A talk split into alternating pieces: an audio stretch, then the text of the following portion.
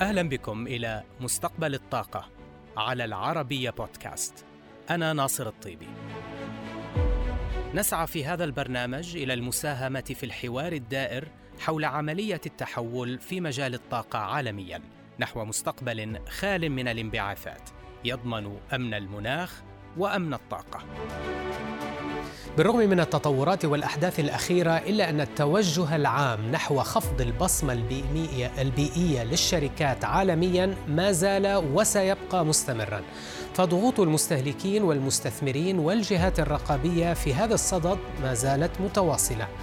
وفي هذا السياق تعهدت كبرى شركات الكيماويات في العالم بإنفاق مليارات الدولارات للوصول إلى مستهدفاتها المناخية بحلول نهاية العقد الحالي حيث يبلغ حاليا إجمالي حجم انبعاثات قطاع الكيماويات عالميا نحو 920 مليون طن سنويا من ثاني أكسيد الكربون المكافئ.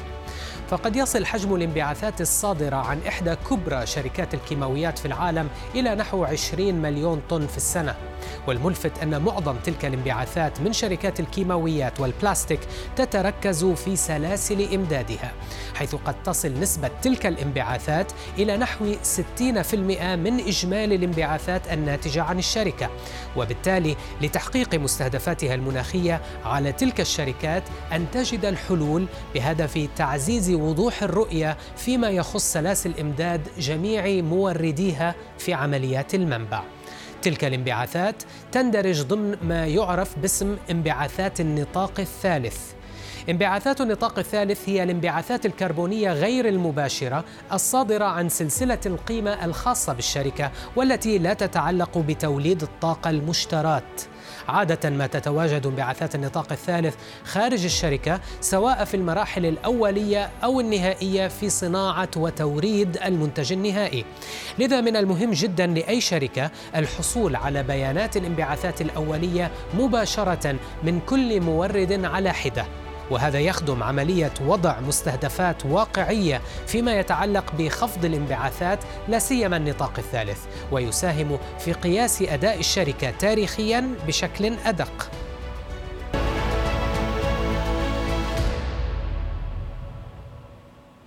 حول انبعاثات النطاق الثالث قابلت السيدة إيلان حبيب المديرة الإقليمية للشرق الأوسط في مقدم المعلومات عن السلع ICIS وسألتها بداية كيف تختلف مراقبة انبعاثات النطاق الثالث عن النطاقين الأول والثاني؟ وما هي التحديات التي تواجه مراقبتها خاصة بالنسبة لمنتجي الكيماويات؟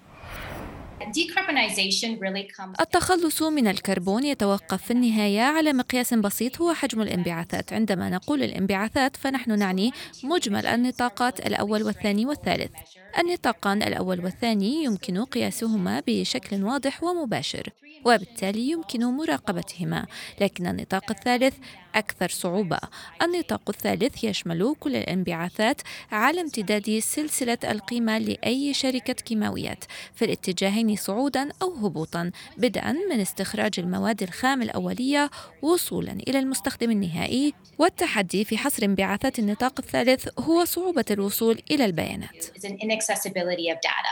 إلى كيف تقيمين انبعاثات منتجي الكيماويات في دول الخليج مقارنة بانبعاثات نظيرتها عالميا؟ آخذين إنتاج البوليبروبيلين على سبيل المثال. المعدلات على مستوى الخليج تتفاوت بشكل واضح وفي مثال البوليبروبيلين يصل الفارق إلى الضعفين بين أكثر وأقل المنتجين تسببا بالانبعاثات. لكن ما يتجاوز في الأهمية المعدلات الإقليمية والعالمية هو الوصول إلى مستوى المزودين. يمكن أن يكون المنتج نفسه وينتج نفس المنتج الكيماوي وتكون الانبعاثات مختلفة في حالتين مختلفتين.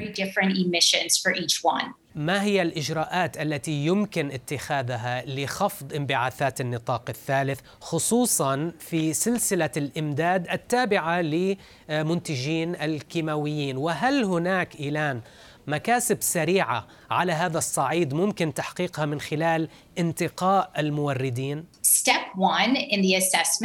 الخطوة الأولى في التقييم هي أولا أن نفهم أين تكمن انبعاثات النطاقات الأولى والثانية والثالثة لشركة الكيماويات بعد ذلك نصبح قادرين على تحديد النقاط الساخنة وعندما نحدد النقاط الساخنة يصبح بإمكاننا القيام بالتغييرات الضرورية الإجراءان اللذان نوصي بهما عموما لتحقيق مكاسب سريعة هما أولا التعاطي مع المزودين وثانيا انتقاء المزودين.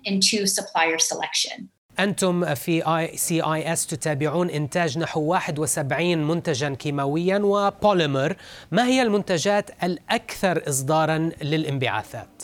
It's really the production process that إنها عملية الإنتاج التي تحدد فعلا البصمة الكربونية وعندما نقول عملية الإنتاج فإن ذلك يشمل التكنولوجيا واللقيم ومصادر الطاقة لذلك وبشكل عام فإن المنتجات ذات السلاسل القيمة الأطول في جانب المنبع تكون لديها انبعاثات أكثر من النطاق الثالث وذلك بسبب تعدد نقاط التماس الكربونية. That's due to more carbon touch points. سؤالي الأخير آه، هنا إيلان ولربما هذا موضوع تطرقت إليه آه، في إجابتك السابقة. ما هي بعض التحديات التي تواجهونها في عملية إيجاد البيانات ذات النوعية الجيدة والتحديات في جمعها آه، بالنسبة لمصنعي الكيماويات في الخليج وفي المنطقة العربية عموما؟ والأهم من ذلك كيف يمكن تحسين هذا الوضع من خلال الشركات أنفسها أو من خلال الجهات الرقابية؟